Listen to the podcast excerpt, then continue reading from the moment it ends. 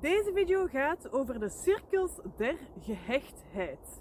Ik ben Rivka Heijman, een afkikkende spullenchaot en ik neem je graag mee in mijn inzichten. Vandaag is het zo eentje. En ook mijn avonturen en mijn vaststellingen rond het opruimen, het loslaten van spullen, het bijhouden van spullen, het verwelkomen van spullen. Als afkikkende spullenchaot kan ik ervan meespreken. Vandaag uitleg over de cirkels van gehechtheid.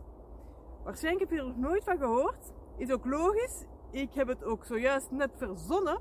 Want waar deed het mij aan denken? De boodschap van deze video en mijn slee en de sneeuw die dat hier achter mij is. De boodschap van mijn video gaat over de afstand of de gehechtheid die dat wij voelen ten opzichte van onze spullen. En het deed me denken aan die oefening waar je zo cirkels op een blad of hè, cirkels op een blad. En het zijn de cirkels van invloed van mensen om jou heen. En dan kan je daarop zetten, hè, je partner, je kinderen, je familie staat waarschijnlijk vaak heel dicht. Of soms met een hele goede reden ook heel ver. Um, maar zo krijg je inzicht door die oefening van de cirkels van invloed. Van wie hoeveel, niet macht, maar wie hoeveel invloed, ja, hoeveel um, effect er is van die mensen op jou. Waar staan uw collega's? Waar staat de buurman? Waar staat uw, uw vriendinnen van in het middelbaar? Waar staan die allemaal eigenlijk in die cirkels van invloed? En het is daar dat ik aan moest denken toen dat ik aan mijn slee dacht. Die dat ik met een heel goede reden uh, een paar dagen geleden naar buiten gehaald, gisteren ook nog. Want we hebben een wei achter ons huis. En die wei die stond eerst onder water. Dus dat betekende dat er een laagje water stond en dan is het beginnen vriezen, dan is het beginnen sneeuwen. Dus nu ziet het er zo prachtig uit. En dat betekende ook dat ging erachter dat die bevroren stukjes water op die, eh, op die wei, dat die een perfecte ja, platform waren om met de slee een heel toffe baan te maken en van die draaien waar dat dan de andere persoon eraf vliegt en zo. Super tof. Het gleed enorm goed. En die slee is tevens ook mijn voorbeeld om de cirkels der gehechtheid te illustreren. Want die slee komt van bij mijn tante. Die heeft twee jaar en een half geleden of zo gevraagd: Rivka, wilt jij die slee gebruiken? Bij mij wordt ze niet meer gebruikt. Kinderen zijn te groot, kleinkinderen zijn al te groot. Ik zeg ja. Vorige winter geen sneeuw. Deze winter eindelijk wel. Maar ik heb al afgelopen zomer ook gedacht van, ja, die slee, hoe lang ga ik die nog een plaats geven in het tuinhuis zonder dat ze gebruikt wordt of niet vaak gebruikt? Want ze is nu een paar dagen gebruikt voor de eerste keer sinds dat ik ze een plek heb gegeven in mijn omgeving bij mij thuis. En ik heb me dus al wel een vraag zitten stellen van, is het dan nog waard? Het stoort mij niet echt, oké. Het zit ook ver weg in de zin van, het is niet in mijn dagelijkse leefroutes dat die slee een plek heeft.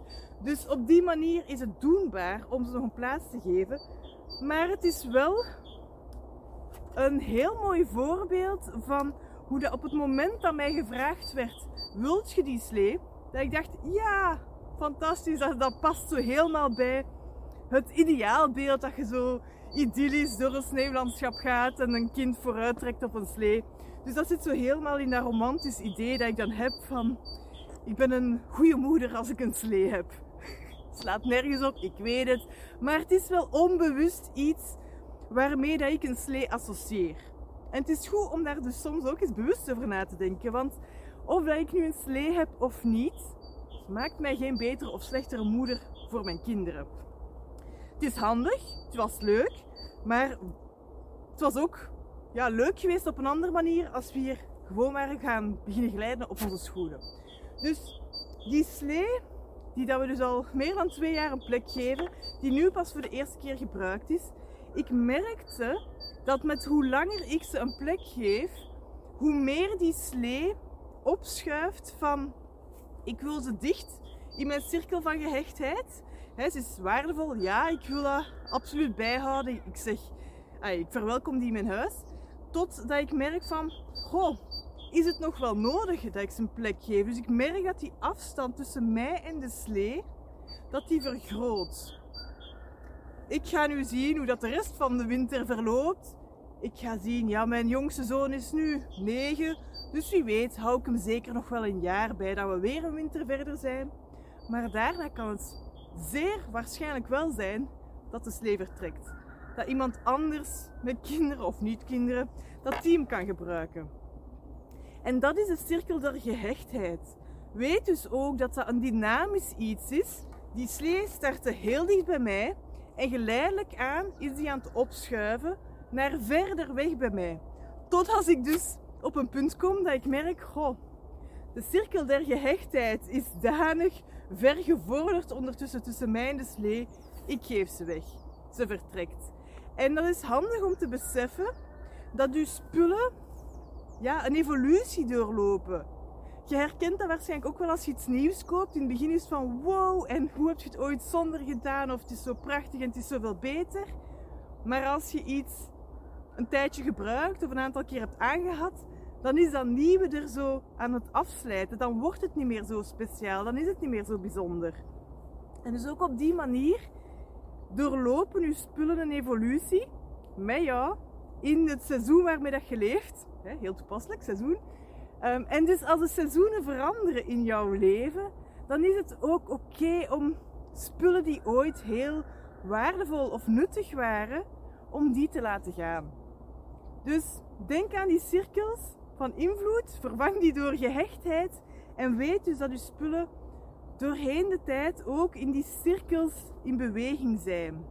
En soms is het ook in de omgekeerde richting, dat iets wat dan minder belangrijk was, dat dat dichter bij u komt te staan en dat je zegt van wow, ja, dit is nu echt wel heel bijzonder voor mij, dit krijgt een ereplaats bij mij thuis.